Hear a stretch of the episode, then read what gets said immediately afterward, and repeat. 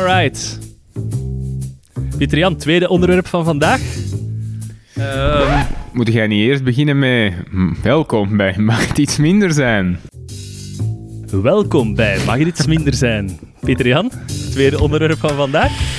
Absoluut, absoluut, eh, Steven. Ja, de mensen gaan misschien merken dat de toeslagenaffaire de, de serieu- het serieuze onderwerp was van eh, vandaag. Ik heb iets ehm, lichtvoetiger gekozen. Ja, een bloedbad. Twi- 20.000 mensen dood. Eh, ik wou eigenlijk initieel het hebben over ehm, de Arabische lente, 10 jaar, Ara- eh, 10 jaar Arabische lente. En, en voilà, toen ik dat naar u stuurde, kreeg ik als antwoord enkel, enkel dat, boring. Dus ja, maar ik moet niet te veel zeggen, want ik heb het over een affaire gehad. Ja, een administratieve affaire. Dus, Eh, dus dan dacht ik misschien, omdat ik het ook al eens eh, over Ethiopië heb gehad de vorige keer, misschien moet ik het gewoon voor de volgende keer houden en iets, iets ja, dus, dus lichtvoetiger doen. En dan dacht ik aan de serie Barbarians, die nu hoge toppen scheert op, op, op Netflix. Over- barbaren. Barbaren. Eh, weet, weet je trouwens, Barbaren, waar dat, van, waar dat af van komt? Eh, nee. Dat is blijkbaar... eh, Moest ik dat weten? Nee, hè? Ja, dat is basische educatie, eh, Steven. dat, dat krijg je, in de kleuterschool krijg je dat aangeleerd. Ah, oké. Ja. Ehm, nee, dus dat komt blijkbaar vanuit het ja, Grieks. Hè, uiteraard, alles komt vanuit het Grieks of het Latijn. Mhm. Waar dat zij mee aanduiden van ja, dat zijn volkeren die, die, ja, die we niet verstaan, die gibberish praten. praten. Eigenlijk bla bla bla bla bla, die, die, die brabbelen maar wat. En daar Chinezen. dan... Chine- Gelukkig behoren Chinezen nog niet tot de luisteraars van onze podcast. Eh, dus ja, inderdaad, die, die ehm, praten maar iets, iets bla bla bla, en daar zou dan het woord barbaren eh, van gekomen zijn. Ah, eigenlijk, ja. zo blablaren of zoiets. Ja. Voilà, voilà. En dat is dan, Ja. een, eh, dat is dan een woord geworden. Alleen Eh, slimme jongens, die Grieken. absoluut, absoluut. Eh, nee, dus ehm, een serie op, op Netflix over een slag. Hè, een slag in het Teutoburgerwoud in Duitsland. Ehm, en daar wou ik eens eh, een slag tegen de Romeinen. Eh, we, we zitten rond de, rond de eeuwis, oh, sorry, rond de millenniumwisseling, eigenlijk rond het begin van de, de jaartelling. En daar eh wil ik eens even naar, eh, naar gaan kijken. Ik heb de serie gezien en ik vraag me af hoe waarheidsgetrouw dat die was. Het begint bij het stelen van Ah, een adelaar en dan ontaart het in een slachtpartij. Ja, ah wel, dus dat viel eigenlijk tegen. In die zin, ik dacht, hè, ik ga daarvan vertrekken van die serie en ik ga dan ehm, hier in, die, in de podcast dingen kunnen opmerken die fout waren. Hè, van, ah ja, dat is toch volledig... Nu heb ik moeten vaststellen dat eigenlijk die serie... dat, ik, dat ik kan volstaan met het verwijzen naar de serie. Ehm, nee, die is vrij, vrij accuraat. Eh, tot en met de, de kleine dingen des mensen en zo het, het, het thuisgehalte of familiegehalte van de schoonvader die gaat klikken bij de Romeinen. Ehm, Hey, de Romeinen, je- dat waren ook gewoon mensen, hè? ja, voilà. Wel, maar dat je van denkt, hè, dit, dit is ehm, uit zijn duim gezogen, blijkt dan toch ja, te kloppen, minstens zo eh, op schrift gesteld te zijn 2000 jaar geleden. Of dat dat dan natuurlijk nog echt zo is, dat is nog een andere vraag. Hè? Maar dus dat Het is blijkt... dan toch eh, goed in beeld gebracht, want ik vind dan wel dat ze dat... eh, In de serie was het logisch, maar als het in de praktijk ook zo is geweest, dan hebben ze dat wel mooi aan elkaar In grote lijnen, hè? In grote lijnen ja. is, het, eh, is het hetzelfde geweest. Ja. Nee, dus ehm, wat, is, wat is de context? Ja, het Romeinse Rijk. Eh, de Romeinse Republiek is ehm, ten dode gedragen. Of dan de graven gedragen. Hè, de Caesar, de Julius Caesar, is ehm, in 44 voor Christus, die, die hebben ze gemold. Zijn eh, aangenomen zoon komt aan de macht, hè, Augustus. Nee, Octavianus, hè, en die neemt dan Augustus aan eh, als naam van verhevene. En die eh, wilt de grenzen van het Romeinse Rijk eigenlijk nog verder oprekken tot ja, wat eigenlijk de grenzen waren toen ongeveer van de bewoonde wereld. Maakt dat uit, het feit dat die republiek gevallen is? In dit verhaal? Nee, nee, nee, weinig, weinig. Ik weet, ik weet niet, hè. ik vraag het nee, nee, het is- het is gewoon een goede vraag. Nee, Ehm, nee want Wat is het de- verschil in- eigenlijk met die in- republiek dat valt? Wat is er daarvoor en daarna? Ja, dat er toen, eh, toen geen keizer was. Hè. Eh, toen waren er dus verschillende ja, ehm, eh, apparaten, eh, in de, overheids, overheidsadministratie of overheidsapparaten, ehm, zoals je het wilt noemen, die, die voor het bestuur van de staat zorgden. Hè. Dus gaat de Senaat, ik denk dat die voor buitenlandse zaken bevoegd was, bijvoorbeeld, gaat dan een consul. Ehm, als de oorlog was, hadden een dictator, gaat de tribune. Ehm, dus allee, je, had een, een staatsstructuur, maar die erop gericht was juist om, omdat men een, een trauma had aan ehm, koningen. Hè. Er is een, koning, een periode van koningen geweest in de Romeinse geschiedenis. Men had daar een trauma van. Dus men had een staatsstructuur die erop gericht was om ehm, niet toe te laten dat er eh, de macht zich zou centraliseren in één persoon. Hè. Dus in, in een rex, in een koning. Dus een, ja, een soort van eh, republiek. Maar dus die wordt uitgehold doorheen de jaren. Ehm, ja, wat daar de redenen voor zijn, daar kunnen we misschien eens een andere podcast over maken. maar het Eh, Rijk blijft wel uitbreiden. maar het Rijk blijft uitbreiden. Hè? Dus ook in de, tijdens de Romeinse Republiek was het al serieus aan het eh, bo- boomen.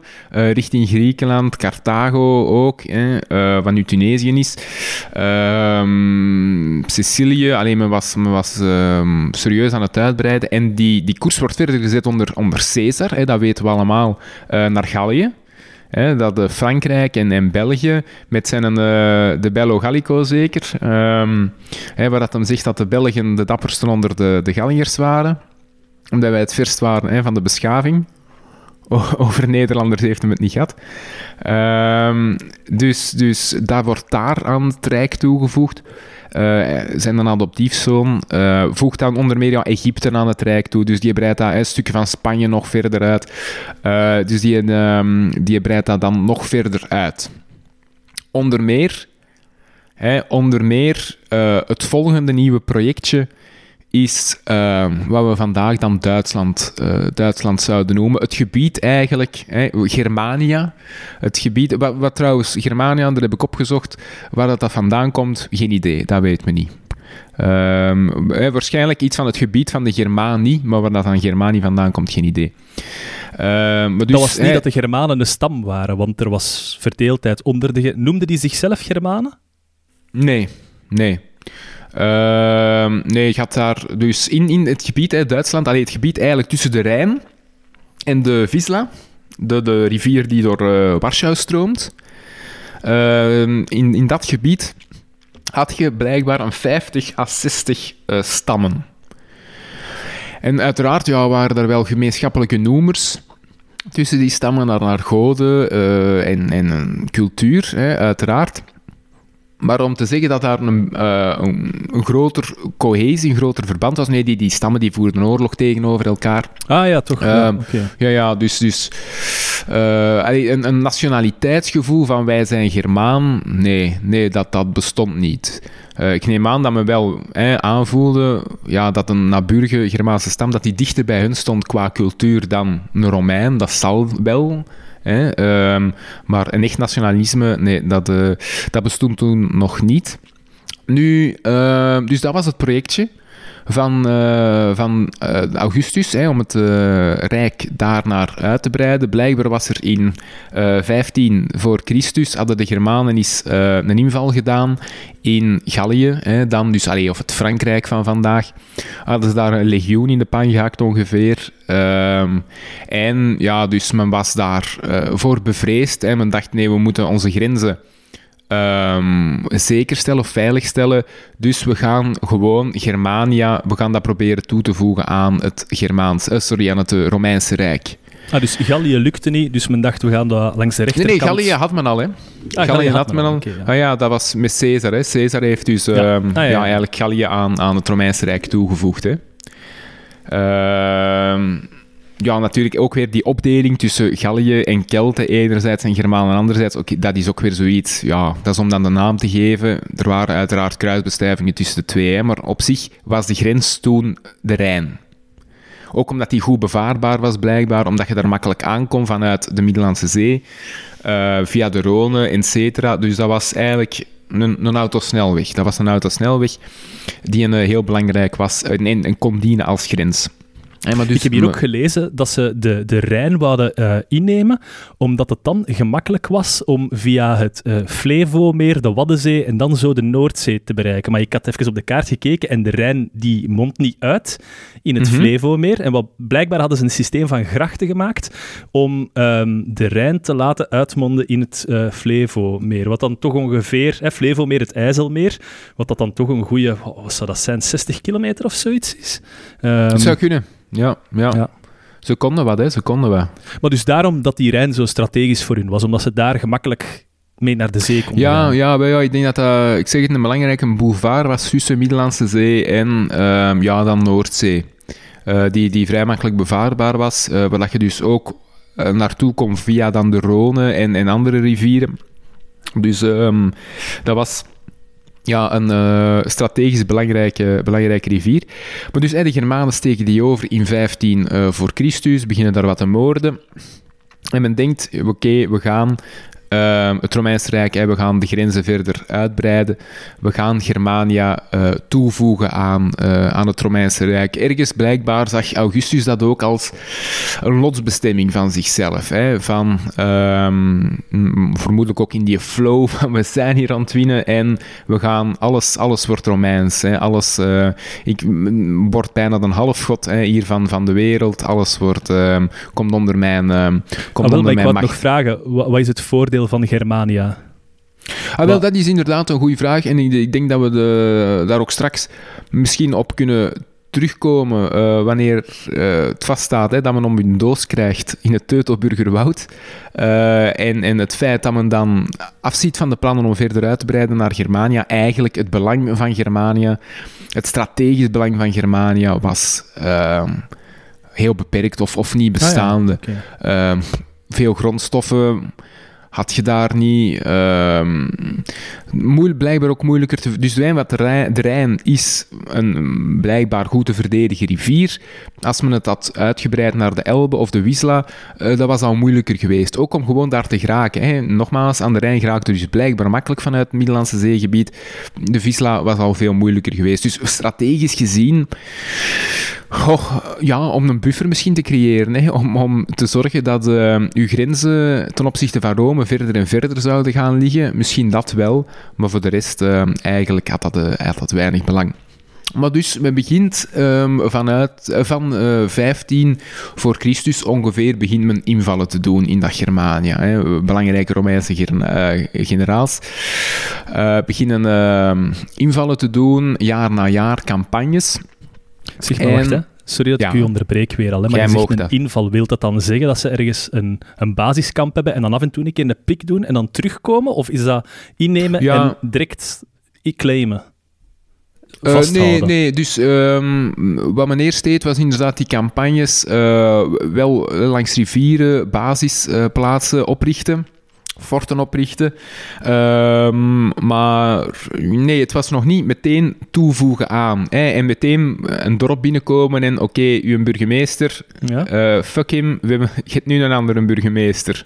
Dan, de Antonio, Antonio eh, Carnucci, dat is vanaf nu een burgemeester. Antonio Carlucci. ja, ik weet niet. Nee, dat was, het, dat was het nog niet. Het was echt eerder ja, veroveringstochten eh, en ja, zo op de knieën krijgen. De baas. Eh, Laat zien dat er een baas is. Ja, voilà, voilà. Eh, en dat zou dan uiteindelijk uitmonden wel in hè, ehm, het, het toevoegen aan het Romeinse Rijk, maar dus ja, ze eerst wat, wat kneden. Dus daar krijgen, krijgen wat campagnes, onder meer van Tiberius, dat zou de volgende keizer worden, eh, de nagenomen zoon van, van Augustus, die een, vecht er wat campagnes uit. Oké. Dat, eh, dat gaat allemaal goed, eh, tot op een eh, bepaald moment. We zijn dan ehm, ja, een zestal na Christus al. Ehm, on- ongeveer zes, zes na Christus. En men begint er stilletjes aan te denken: oké, ze, zijn, ze zijn murm. Het is tijd om het toe te voegen aan het Romeinse Rijk, om ook belastingen te gaan heffen, et cetera. Het begint stilletjes aan. Gaan we, dat, eh, gaan we dat kunnen doen? En we gaan er een man uh, bij roepen die dat, uh, die dat voor ons gaat doen. En dus de, de militaire, uh, de grote militaire genieën, die, die verlaten het toneel wat. We gaan er meer een gouverneur, een, bestuurs, een bestuursman bij halen. Dat, is... dat wil echt al zeggen dat een provincie voor hun antwoorden is. Ah, wel, ja, voilà. Dus hè, men werkt daar nu echt... We gaan daar naartoe werken. En men vindt dus in uh, uh, Syrië, denk ik dat hem op dat moment zat, uh, Publius Quintilius Varus. Wat een naam, ja. Ja, ik ga, ik ga daar even hè, een stilte laten vallen. Dat, dat, dat is toch... Je kunt veel zeggen van de Romeinen, maar namen, dat konden ze. Dat konden ze, vind ik. Als je dat vergelijkt met... veel andere dingen? Ja. Maar, ja, ja. maar als je dat vergelijkt met hedendaagse namen, het is toch anders, hè? De Peters, een, uh, een Janssens... Publius. Ja, schop maar mensen tegen de knieën, jong. Schop maar mensen tegen de knieën. Het is niet dat ze luisteren, hè? Zou, die, zou er een Peters luisteren? Naar, uh... Dan mag, Chris. een, dan, uh.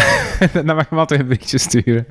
Nee, maar dus Publius... Ik ga, dan, ik ga het elke keer vermelden. Publius Quintilius Varus. Uh, was dus een gouverneur. Blijkbaar uh, had hij een uh, beloftevol cv. Hij was uh, gouverneur geweest, denk ik, ergens Syrië, die kanten. Hij had dan bij een uh, revolte van uh, Judea had hem daar 2000 man laten kruisigen. Dus, dus hij had een goede track record. De man van zijn tijd. Ja, voilà, voilà. Hij had zijn prestaties. Ehm, dus ja, die werd hij aangeduid als uh, de gouverneur van, uh, van Germania. Die moest het daar in orde gaan brengen. Terzelfde tijd, dus blijkbaar hè, tijdens die campagnes waren daar een, een tiental legioenen aanwezig. Je moet weten, een legioen, Romeins legioen, dat bestond uit een 5000 uh, eh, man.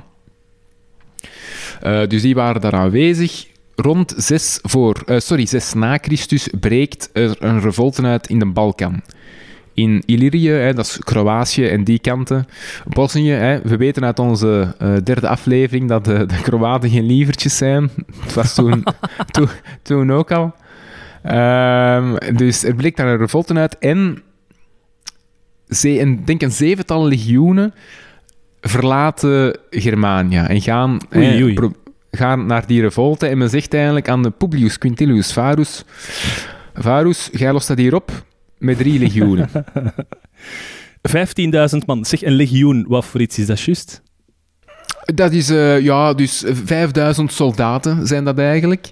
Uh, met een structuur, een eigen structuur. Uh, eigenlijk een heel... Maar is dat heel... enkel, enkel, um, enkel um, ja, ik weet niet, uh, manschappen of zitten daar ook paarden, ruiters bij? Maar wel, of, hoe dat ik het denk dat het is, maar dan vergelijk ik het met de, het Napoleontische systeem. Ik denk dat het hetzelfde is, is dat dat ergens zelfbedruipend is, zo'n legioen. Ah dat dat op zich kan staan.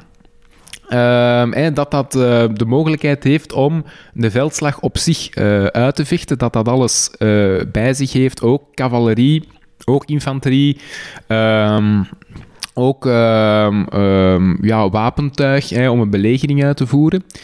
Uh, dat die structuren dus op zichzelf staan, dat je niet afhankelijk bent van uh, een ander legioen. Dat er een zekere autonome autonome werking is. En dat was ook bij Napoleon zo. Uh, dat had verschillende korpsen. En uh, eigenlijk een korps was erop gericht. Die korpsen die opereerden dus autonoom van elkaar, maar altijd op ongeveer een dagmars van elkaar. En het idee was, oh jee, je kon als korps stand, een dag stand houden omdat je die structuur had. En op die tijd konden dan de andere korpsen zich bij u voegen om dan um, de vijand in de pan te hakken. Ik denk dat dat ongeveer hetzelfde systeem gaat zijn geweest in, uh, in, in, in uh, de Romeinse tijd. Trouwens, uh, ter, ter um, referentie, of om het, uh, het grotere plaatje te schetsen, blijkbaar waren er een 27 à 28 legioenen in het Romeinse Rijk. Dus de Varus, ah, ja. ja. En daar dus zaten er dan tien in Germania, waarvan er dan zeven zijn weggegaan. Ja, plus minus. Uh, dus tijdens die campagnes, hè, omdat er inderdaad ja, in die campagnes uh, zaten er een tiental uh, daar. maar dus ja, omdat er een Illyrische revolte was, ging, uh, ging het gros van, uh, van die legioenen weg. Ook omdat men ergens dacht, het, eh, wederom, het, het werk is daar, is daar ongeveer wel klaar. Men is, eh, um, men is murm. het kan nu, nu is het enkel nog maar consolideren. Eigenlijk doen en verdelen de, heers ook een beetje daar. Oké, okay, ook. Eigenlijk doen we de, de George Lekes move hè, van 90% van het werk is gedaan. Geen de, voetbal, de, PC. Ik heb al... Geen voetbal. excuus, excuus. Maar ik ga de titel van die podcast veranderen naar gewoon geen voetbal. Geen voetbal. Um... Eigenlijk zou dat nog een betere titel zijn. Vandaag geen voetbal. Ja, eigenlijk. Past ook nog altijd onder noemer, mag het iets minder zijn. Ze, maar, ja. ja. Dan moeten we wel 200 nieuwtassen of 20 nieuwtassen laten drukken. ja. Maar alleen, bon, dat kan er nog vanaf. Dat kan er nog vanaf. Nee, dus uh, de Publius Quintilius Varus uh, zit, uh, zit daar in Germanië. Is daar eh, wat aan het consolideren. Ehm, met ja, wederom de nodige hardheid natuurlijk. Hè. Het is niet dat hem daar. Um, um, publiekslieveling 1 is. Uh, dat uiteraard niet. Je kent ook zijn track record van Syrië. Dus uh, waarschijnlijk wordt dat ergens wel in, juist ook in kaart gebracht in Barbarians, dat die Romeinen gezien werden als uh, een, onderdrukkende, onder, een uh, onderdrukkend volk. Hè? ja, lijkt, met lijkt weinig respect voor, voor de lokale bevolking. Ja, voilà. voilà. Um, Langs de andere kant, hè, want daar hebben we eigenlijk nog niks over gezegd, moeten we misschien de andere hoofd, de, eigenlijk de echte hoofdrolspeler, uh, hè, Varus is een antagonist, wie is de protagonist? Dat is Arminius. Arminius is een lid van een Germaanse stam, namelijk de Cherusci. De Cherusci-stam, voor de rest doet dat er niet toe.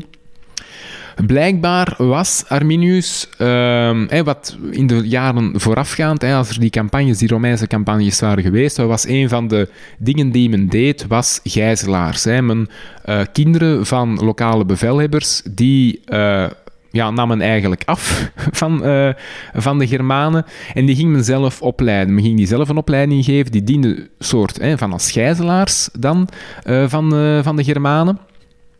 Tegelijkertijd creëerde men een nieuwe elite. Hè? Een, een Germaanse elite, maar die wel Romeins was opgeleid. Fantastisch systeem, toch?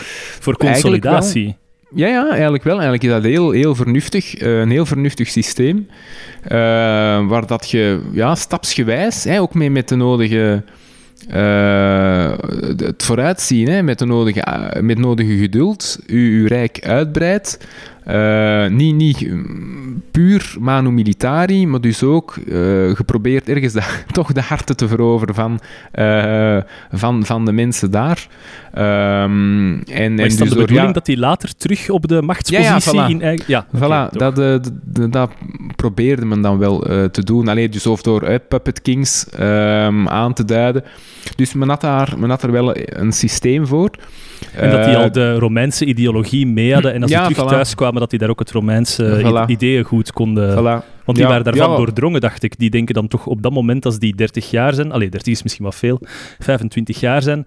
Ja, het Romeinse systeem is het betere systeem. Dat is het meer rationele ik, systeem. Ja, voilà. Ik kan me inbeelden dat je daar dan ineens allee, van een stam komt in, uh, in, in Duitsland. In de, in de modder. Uh, en, je komt daar in Rome, ja, dat dat wel, uh, of in een andere grote Romeinse stad in die tijd, en dat dat toch ja, uh, indruk moet hebben gemaakt. Ehm, dus hetzelfde met Arminius en zijn broer, Flavus. Uh, die beide worden die uh, opgeleid in het, uh, ja, door, door de Romeinen. Wat niet klopt met de reeks is dat Arminius de adoptiefzoon zou zijn of de aangenomen zoon van Varus.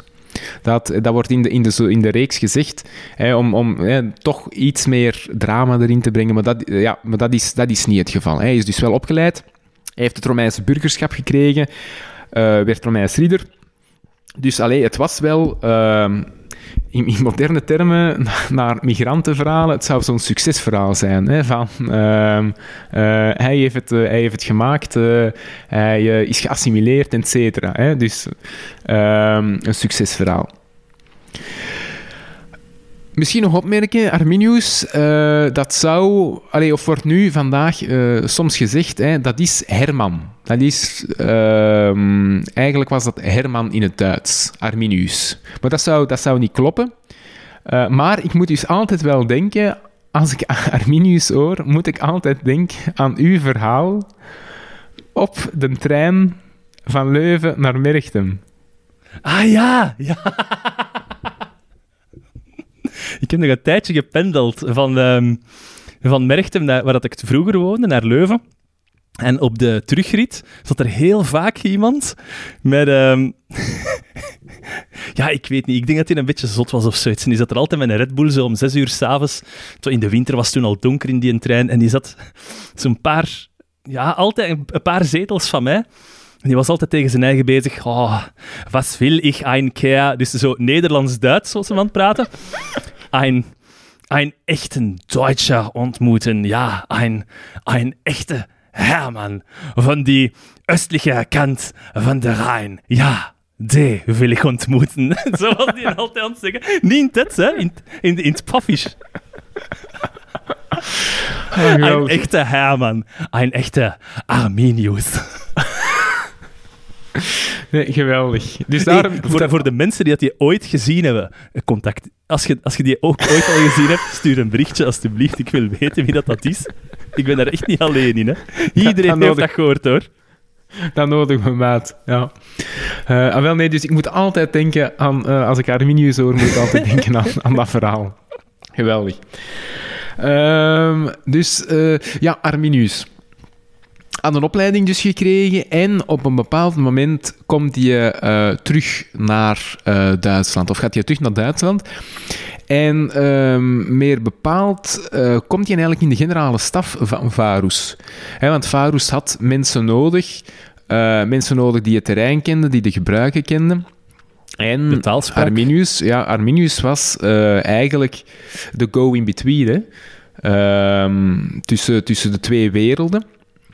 Dus uh, die, die zat in uh, de generale staf en dat wordt ja, een vertrouwens, uh, vertrouwenspersoon. En blijkbaar, en wat eigenlijk ergens de aanleiding is geweest bij Arminius zelf, dat zullen we nooit weten, maar bij hem komt ergens het idee, het idee, het idee dat Duitsland zich moet afzetten tegen, tegen het Romeinse Rijk. En dat men uh, die, die beweging die is uitgerold om Duitsland aan het Romeinse Rijk toe te voegen, uh, dat men dan een halt moet uh, toeroepen. Ja, ik had gelezen, Wikipedia weliswaar, dat hij um, verbouwereerd was door die... Um, door de enorme gezagspositie van de Romeinen ten aanzien van de Germanen, de onderdrukking, de hoge belastingen, de verpaupering, allee ja, zoiets. Ja. Het gebrek aan respect.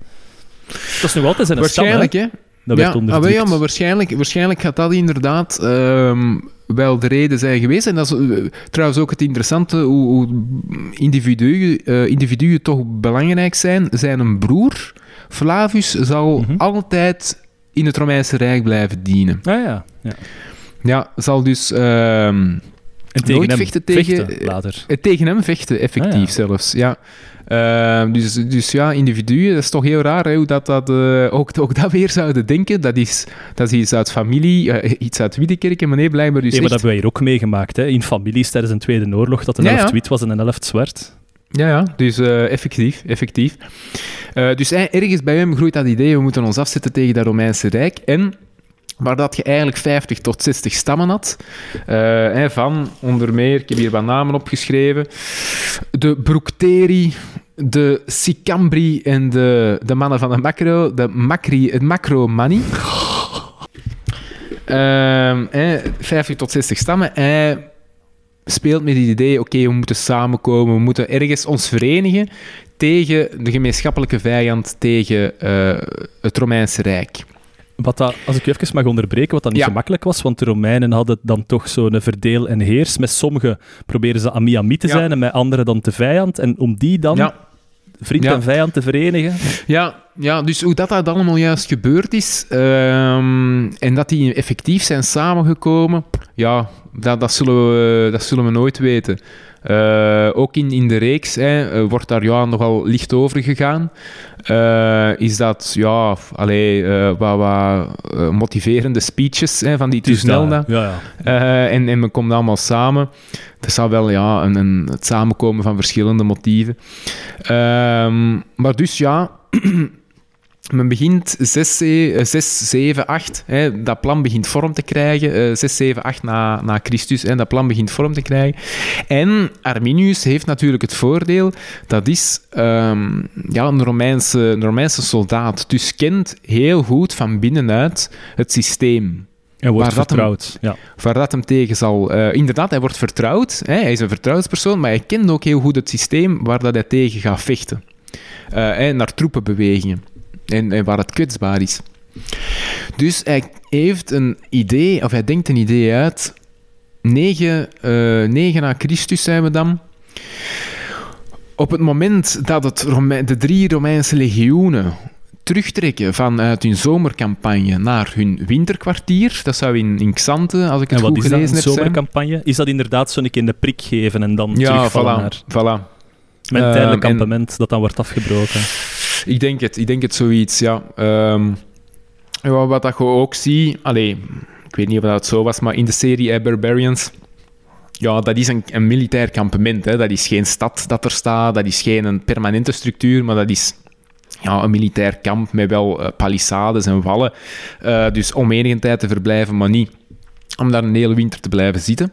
En ook niet omdat de winter, de, de, de, de Germanen het ineens gaan overnemen, omdat het dan, ja, dan zijn ze met andere dingen bezig. Overleven tegen ja. de kou. En... Ja, ja, effectief, effectief. Ja, ja, dus um, uh, in dat kamp, ja, dat was dus ook verder van de Rijn. Hè. Uh, het Romeinse Rijk was onder al die campagnes ook wel echt al prikken uitgedeeld naar de Elbe. Hè. Dan zitten we richting Berlijn en was allee, serieus naar het oosten, had al prikken kunnen uitbrengen.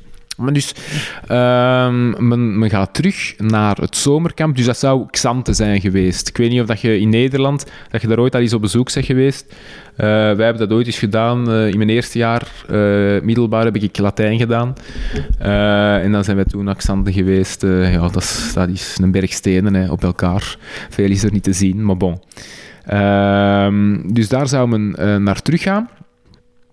En Arminius komt met het verhaal naar Varus. Zeg, we gaan terug, maar op twee dagen wandelen van hier zit er een stam die, een, uh, die rebelleert. Dus echt, wat echt denkt ervan? De serie, echt de serie. Ja, ja, ja. ja, ja, ja, ja, Dus wat denkt ervan? Uh, hey, als we eens even een detour maken, die uh, op hun botten geven en dan hey, naar het zomerkamp, sorry, naar het winterkamp verder trekken. Dus die Varus, die denkt, uh, die Publius Quintilius Varus, die denkt, ah wel ja, hè, waarom, uh, waarom doen we dat niet? Uh, dus die gaat erin mee, blijkbaar. Dus het, het klein menselijke, hè, wederom, uh, ja, die, die een stam van de Cheruski, er was ook een pro-Romeinse fractie, blijkbaar. Ehm, en dus, dat zou effectief die een Segestes zijn geweest, ook in de serie, die dan eigenlijk zo'n schoonpapa is of wordt.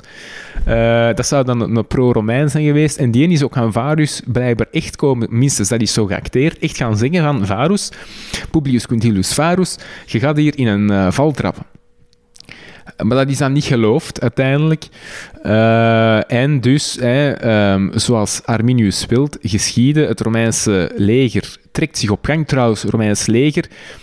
Uh, men was niet aan het optrekken in, in marsorde. Blijkbaar tussenin zaten daar ook gewone burgers tussen die meekwamen van het zomerkamp naar het winterkamp. Karren met voedsel, karren met bevoorrading. Allee, dus dat was geen gestructureerd leger.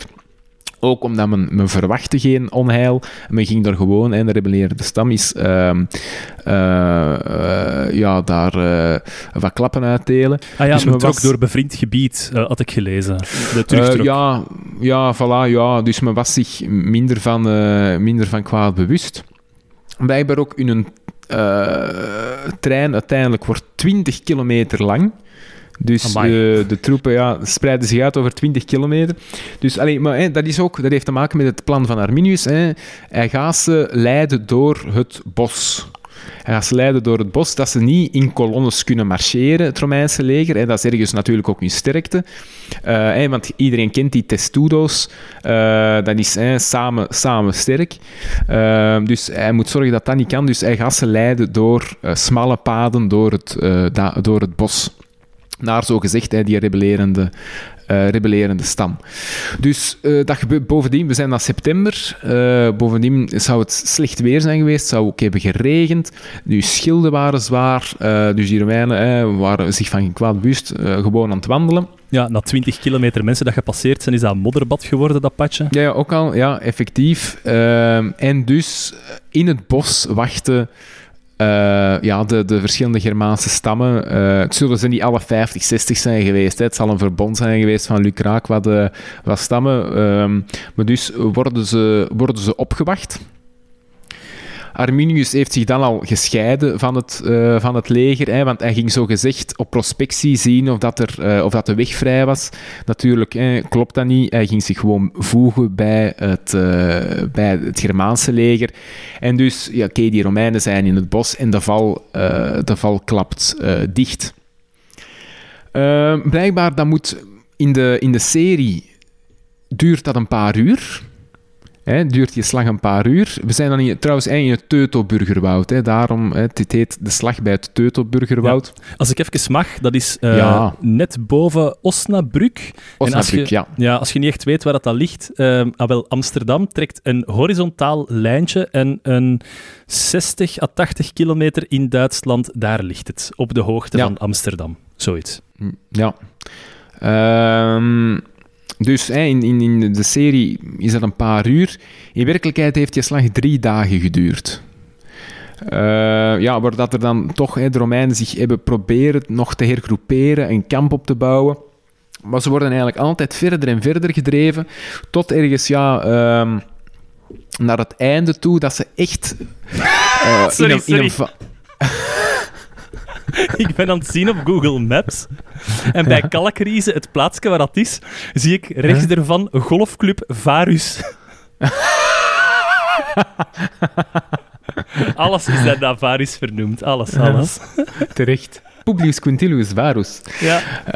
Um, en dus uh, de, de val, um, ja, of op het einde, hij klapt dan effectief dicht, inderdaad, bij kalkrize, waar dat ze uh, gedreven worden tussen een heuvel aan de ene kant en uh, een moeras langs de andere kant. Men heeft daar dan wallen opgetrokken, dus uh, men loopt zich daar eigenlijk gewoon op, op, op dood. Uh, en ja, dus Varus uh, ziet niks anders. Hij weet, we, we gaan verliezen. Uh, die Germanen ja, die, die komen uit het bos, uh, die, die, die motten daar wat Romeinen af en, en trekken zich terug. Hè. Allee, wat guerrilla-technieken.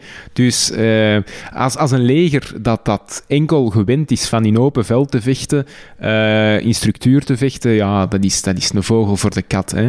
Um, dus, dus men verliest daar grandioos en Varus pleegt dan uiteindelijk ook zelfmoord, hè, omdat hem ziet de schande uh, winst, uh, winst te besparen. En ja, uiteindelijk dus op welke die wijze? Op welke, op welke wijze? Hij, hij pakt pillen. Ja. Nee? Hij, uh, nee, nee, ja, dus het gebruikelijk was? Ja, ja, ja, ja, ja hij stort zich op zijn zwaard. Hè. Ja, ja, ja. ja. Um, nou, wel, ik, wist niet dat dat, ik wist niet dat dat gebruikelijk was. Dat was ja, ja, ja, blijkbaar. Ja werd dat nog gedaan. Dus nee, hij stort zich inderdaad op zijn zwaard. Um, nog verschillende andere officieren doen dat trouwens ook.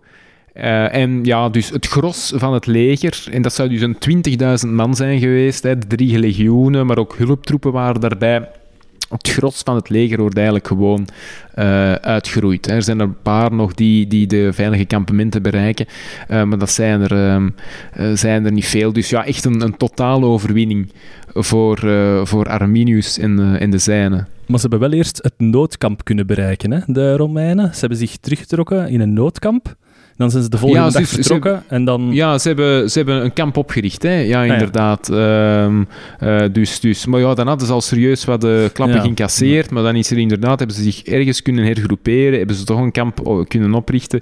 Uh, maar ja, oké, okay, ze zitten daar in het midden van het bos natuurlijk, hè. Um, dus ja, vijandig terrein. Um, dat is, dat is ja, het klassieke verhaal, hè, geen terreinkennis. Ze moesten verder trekken uh, en, en ja, ze liepen, ze liepen dan verder naar de kalkrize. Alleen vogel, uh, vogel voor de kat. Dus een totale overwinning um, voor, uh, voor Arminius blijkbaar zorgde dat ook echt wel voor paniek in, uh, in het Romeinse Rijk. Dacht men, uh, oké, nu de Germanen gaan, gaan nu binnenvallen. Het is, het is, uh, het is gedaan. Hè. Binnen enkele maanden staan ze voor de poorten van, van Rome, wat een paar honderd jaar later ook effectief zou gebeuren. Ehm, en Augustus, blijkbaar moet er zo van onder de indruk zijn geweest dat hij in de maanden en jaren daarna ja. af en toe nog, ja, wordt dan gezegd, uh, met zijn kop tegen de muur bonkte en riep, eh, Varus, uh, in het Engels dan lees ik het altijd, where are my legions? Ja, ja, ja. waar zijn mijn legioenen? In het Romein, ik heb het ook opgeschreven in het, in, in het Romeins, in het Latijn. Um, wacht, waar heb ik het hier opgeschreven? Ik heb het ergens opgeschreven. Ze. Ook geroepen, hè? Ja, ja. Zet u een microfoon-input van... Ah, hier, hier, ik heb hem. Ik heb het. Uh, dus het, het, is opgetekend door het verhaal door Suetonius. Hè, dat was een historicus. En blijkbaar riep hij dus... Quintilli vare legiones redde. Riep hem dan. Ja, het heeft niet geholpen. Het heeft niet geholpen. Ze waren nog altijd dood. Um, hij heeft ook blijkbaar zijn nu, hoofd ontvangen van Varus dat dan naar hem is opgestuurd. Uh, ah, wel, voilà. Dus dat uh, zou Arminius dan hebben gedaan en zou Varus dan hebben onthoofd. Um, en dat hebben opgestuurd naar een andere stam. Een ah, andere Germaanse stam. Ja, als teken van zie, we hebben ze hier, hè, die niet had meegedaan. Ik denk dat dat de macromanie waren. Um, maar ben u niet zeker. Maar dus, hè, zie hier, we hebben hier gewonnen. Kom bij ons. Hè? Uh, komt bij ons, eh, waar dat die Arminius dan een zeker koningsfiguur zou worden, waarschijnlijk van de Germanen. Dus, dus ergens toch een schaalvergroting. Uh, maar die, een, ja, maar die, dus blijkbaar de leider of de koning van de Macromanie uh, heeft dan gedacht: ja, daar ga ik niet aan beginnen. Ik stuur dat hoofd gewoon door naar, naar het Romeinse Rijk. Als teken van: ik, ik heb hier niks mee te maken, ik was mijn handen in, in onschuld. Um, maar dus effectief, dat uh, is dan naar, uh, naar Rome gestuurd. Nu, wat heeft dat uh, tot gevolg gehad? Hè? Die Arminius ehm, heeft dan ja, een soort van leidinggevende rol wel gekregen, ook in de jaren daarna maar heeft zich nooit kunnen opwerken tot ergens een koning van al die stammen. Uh, Integendeel, uh, de Romeinen hebben nadien, in de jaren nadien, verschillende straf, strafexpedities of opnieuw militaire expedities uh, uitgevoerd richting Germania. Ook om ehm, de adelaars terug te krijgen. Hè. Blijkbaar, dat was dus heel gevoelig. Elke, elke legioen had een adelaar. Dat was een soort van rally point en ja, quasi-religieuze betekenis had dat. Uh, en dus die drie adelaars, ja, die waren verloren gegaan natuurlijk in, in de slag bij Teutoburgerwoud. En uh, ook om die dus terug te, terug te krijgen, heeft men terug opnieuw militaire expedities ondernomen. Ik denk tot een 16, uh, 16 na Christus, dus verschillende jaren opnieuw. En heeft men daar ja, terug weer klappen uitgedeeld hè, aan de Germanen. Uh, weer met de, ehm, competente bevelhebber ook, eh, Germanicus. de adoptiefzoon, als ik mij goed heb, van Tiberius, dus van de volgende keizer. Dus het is niet zo dat, dat het Romeinse Rijk op zijn gat lag. Uh, absoluut niet. Um, het, het, was nog altijd... Alleen men had drie legioenen verloren, maar het, zijn, zaten er dus nog, nog 24 of 25. Hè. Men, had er, men had er nog uh, voldoende. En dus in de jaren daarna verschillende uh, militaire expedities. Het klopt wel zo dat men heeft afgezien van de plannen om Germania, Germania Magna, bij het Romeinse Rijk uh, te voegen. En dan kom ik eigenlijk terug op uw vraag van het begin. Hè. Heeft dat eigenlijk strategisch nut? Uh, waarschijnlijk is dat de afweging wel geweest. Allee, of sowieso is dat de afweging geweest. Als men het had gewild, als men echt had gezegd nee, het moet, dan had men het wel gekunnen. Maar men heeft gewoon, ja, uh, het sop was de kolen niet waard, hè, uh, om het zo te zeggen. Uh, drie legioenen was men kwijt. Oké, okay, laat het ons gewoon houden op de Rijn. Ah, wel, ik dacht dat de bedoeling was om van de Elbe de buitengrens van het Rijk te maken, maar daarna erin ja, zien is de Rijn misschien ook goed. Ja, voilà, ja dus uh, Elben of Wisla. Uh, maar de Rijn was eigenlijk strategisch belangrijker of, of beter, hè, om, omwille van die connectie met de Middellandse Zee. Dus het was eigenlijk beter. En, en nogmaals, ja, wat, wat, was, er, wat was er te rapen hè, in, in Germanië? Te weinig. te weinig om, um, om het te willen veroveren. dus en wat we dan wel deed, was ja, wat de soft power. Hè.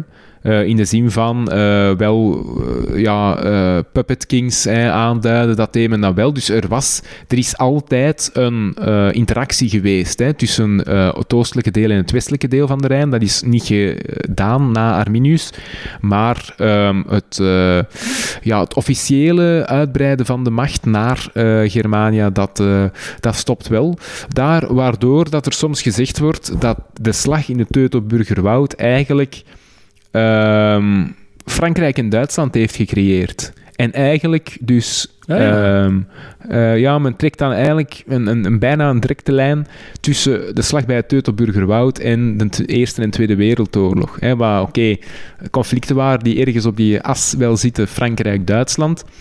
Um, zegt men, ja, daar is um, uh, de grens van het Romeinse Rijk getrokken. En, en ja, daar uiteindelijk is daar dan Duits... En ergens, ja, de facto klopt het natuurlijk ja, wel. Frankrijk ergens... heeft geromaniseerd en Duitsland niet. En, uh, ja, ja, is, ja, is dat het verschil?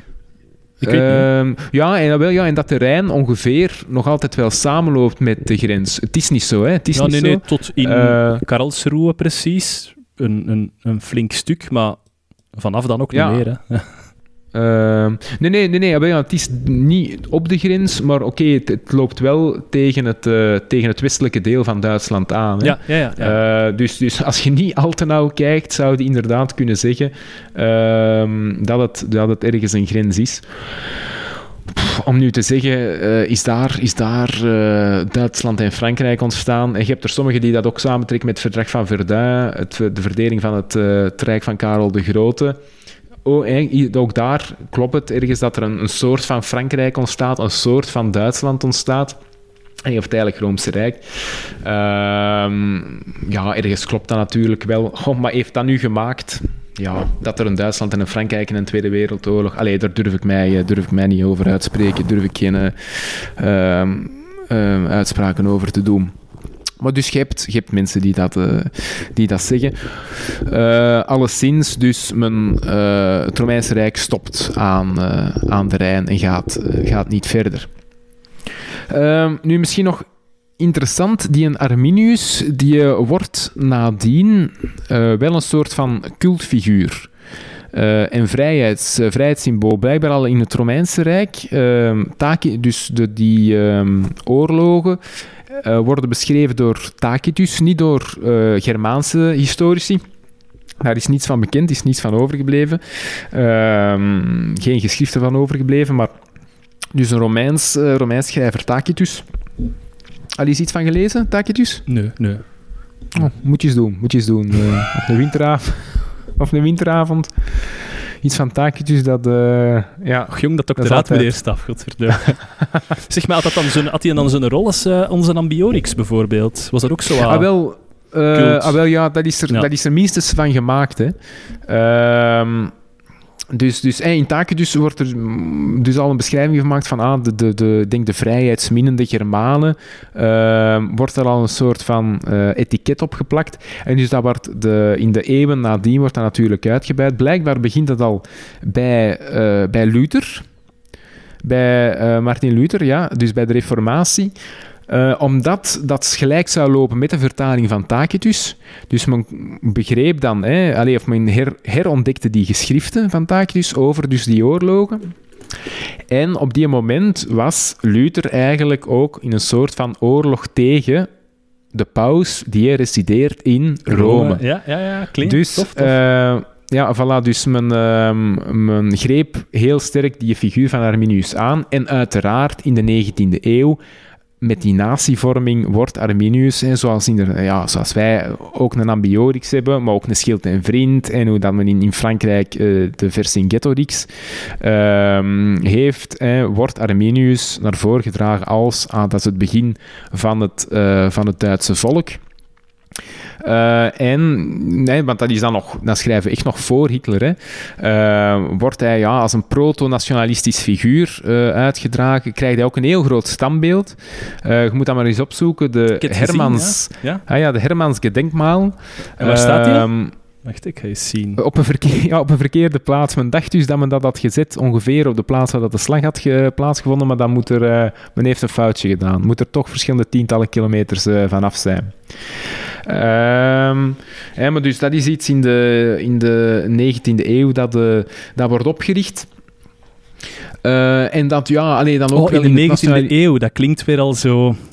Ja, ja. ja. Uh, en dat komt dan ja. echt wel ergens in het nationalistische milieu. Hè. Hitler gaat er dan ook wel uh, naartoe om, om zijn eer daar te betuigen. Blijkbaar wel stopt dat nadat hij aan de macht komt omdat ergens Arminius ook een, figuur, een vrijheidsminnend figuur was. Hè. Hij komt op tegen de tirannie, zogezegd, van het Romeinse Rijk. Dus blijkbaar de directe link tussen Hitler en, en uh, Arminius... Allee, hij, vindt, hij vindt Arminius toch iets minder sympathiek als hem zelf aan de macht is, hè, blijkbaar. Zolang dat hem, uh, zolang dat hem uh, niet aan de macht was, hè, associeert hem zich daarmee.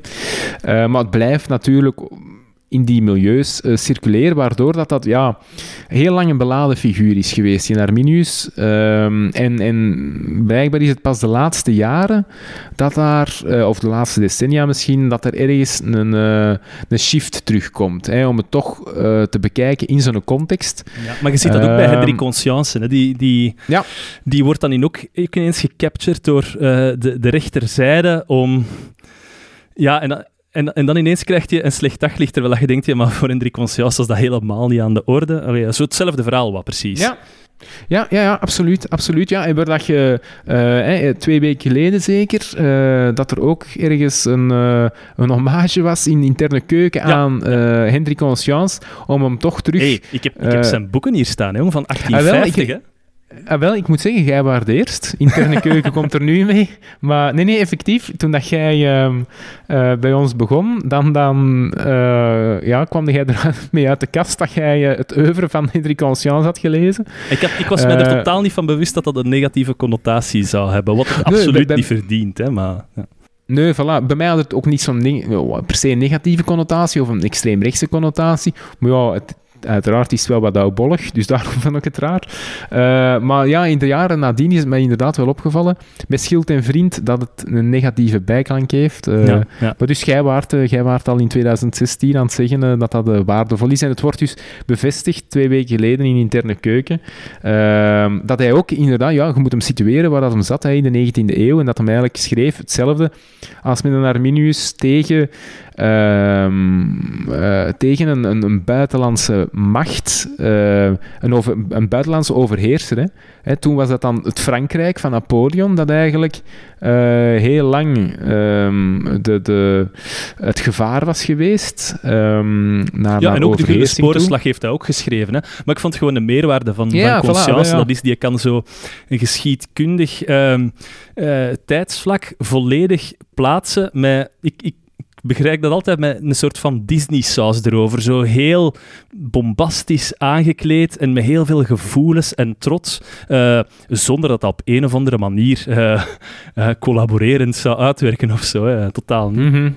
Ja. Ja, ja, zeg, ik ben naar dat standbeeld aan het kijken van Arminius, maar ik vind dat nu niet echt flatterend, om, om eerlijk te zijn. Ik vind dat er betere standbeelden zijn gemaakt. van, ja? En wat, wat vind je wat vind beter? Leopold, Leopold II op zijn paard. en meteen terug in de foute hoek. ja. Uh, nee, ja, het is, het is natuurlijk uh, gericht op het grootste. Ik denk dat 25 enkel het standbeeld 25 meter ja, is. En dan staat het nog op een neuvel en op een, uh, ja, het is wel op, groot, op een staketsel. Dus het is, ja, zeker als je, als je het zonder mensen ziet op de foto, dan heb je er niet zo'n benul van. Maar als je er mensen naast ziet staan, ah, ja, beneden, dat, is, dat is immens, immens Hij is ook groot. niet echt gewoon aan zijn einde gekomen, hè, Arminius? Juist, ja. Uh, nee, uh, dus hij heeft zich dan ergens kunnen profileren als een leider. Er zijn dan verschillende oorlogen nog gevormd, uh, ge, geweest met, met de Romeinen, of militaire campagnes, waar dat dus zijn broer voor de Romeinen vocht. Ik neem aan dat, want er komt een tweede seizoen van Barbarians, als ik het mij goed heb. Uh, als, of als ik het goed heb, ik neem aan dat die relatie dan centraal zal staan tussen de, de twee broers. Die wel dus klopt. Hè? Uh, die, die, uh, er was wel een broer-broer relatie. Ehm, en uiteindelijk ja, wordt hij ehm, vermoord door uh, ja, mensen van zijn eigen stam of door Germanen die te, hem te machtig beginnen te vinden. Dus uh, hij wordt dan ja, in 21 of zoiets na Christus wordt hij, uh, wordt hij vermoord. Ja.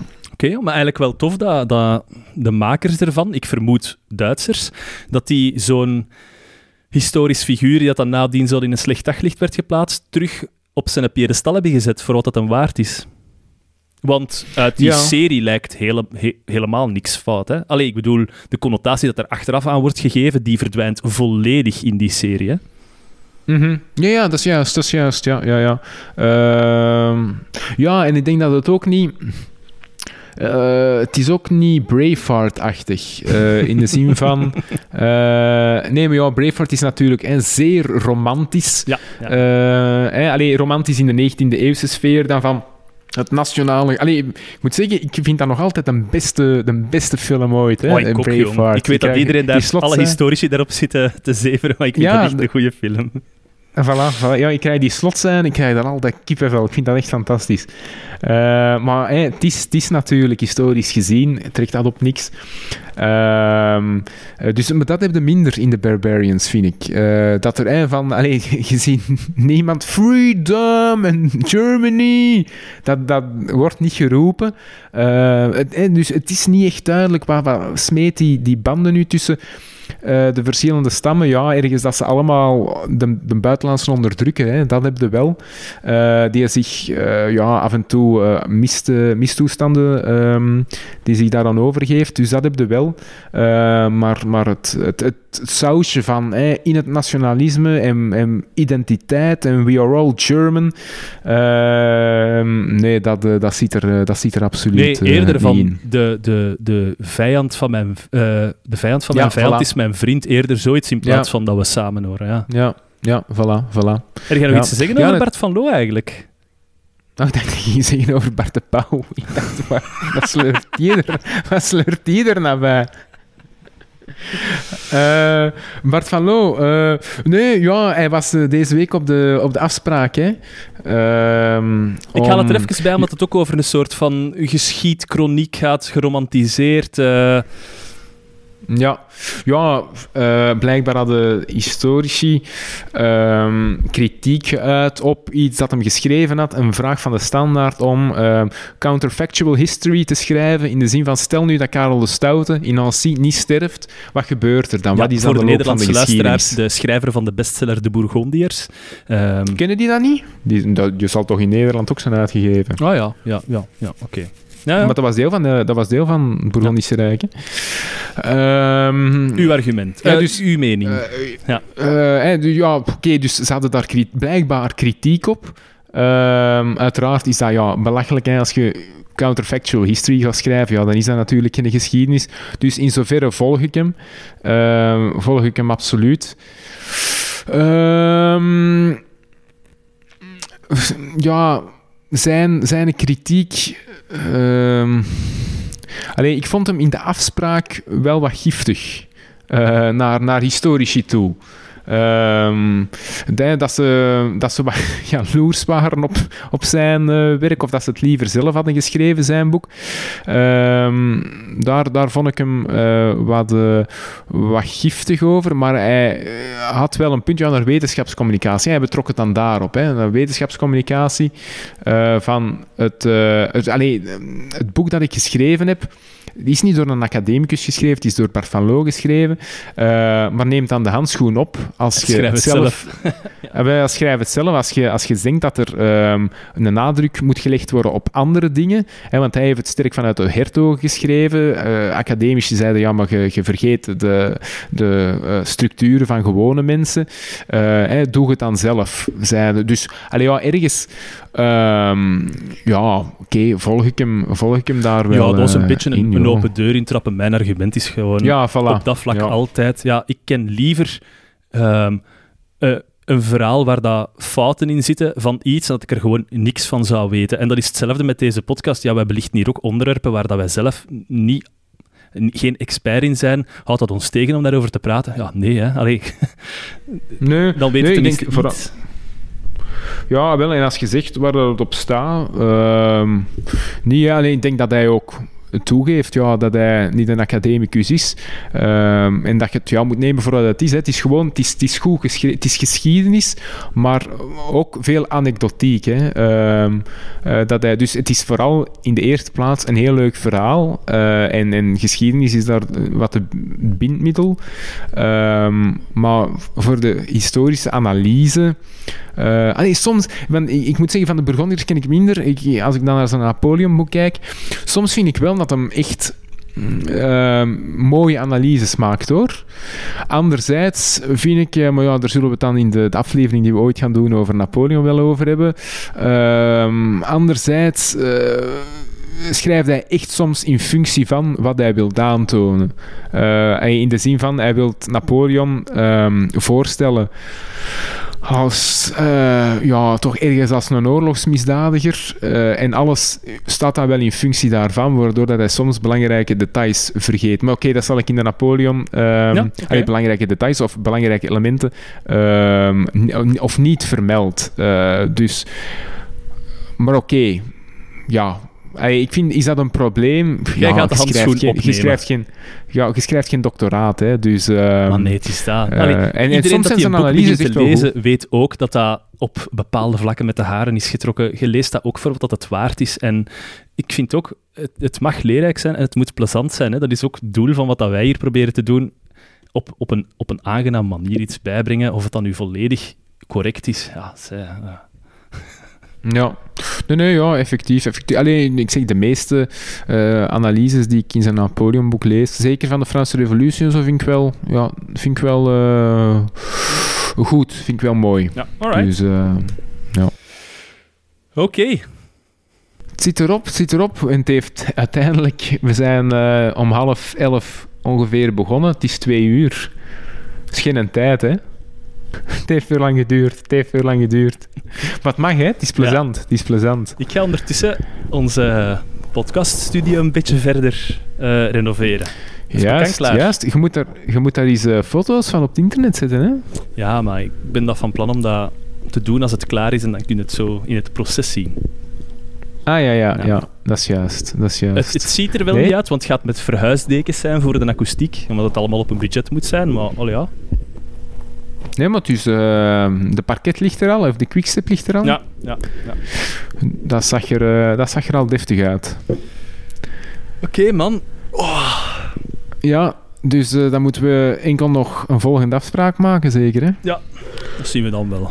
Ik weet ook nog niet Voilà. over wat of zo, hoor. Ehm, Ik kan proberen over de Arabische lente toch iets te zeggen.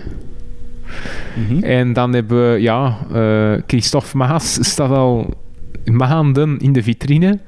Eh, en we hebben nu weer een nieuwe datum. eh, ergens het eerste of het tweede weekend van april zeker. ja. Laat ons hopen dat tegen dan alle Britse, Zuid-Afrikaanse en Braziliaanse varianten onder controle zijn. eh, en dat we, dat we toch terug met drie mogen samenkomen. Ja. Dat is binnen, hè. Binnen. Alright, goed. Het was mijn plezier. Insgelijks, insgelijks, ja. Ik heb eh, enorm veel opgestoken van de toeslagenaffaire. Iedereen die tot hier beluisterd heeft, merci en tot de volgende keer. Ciao. Ciao.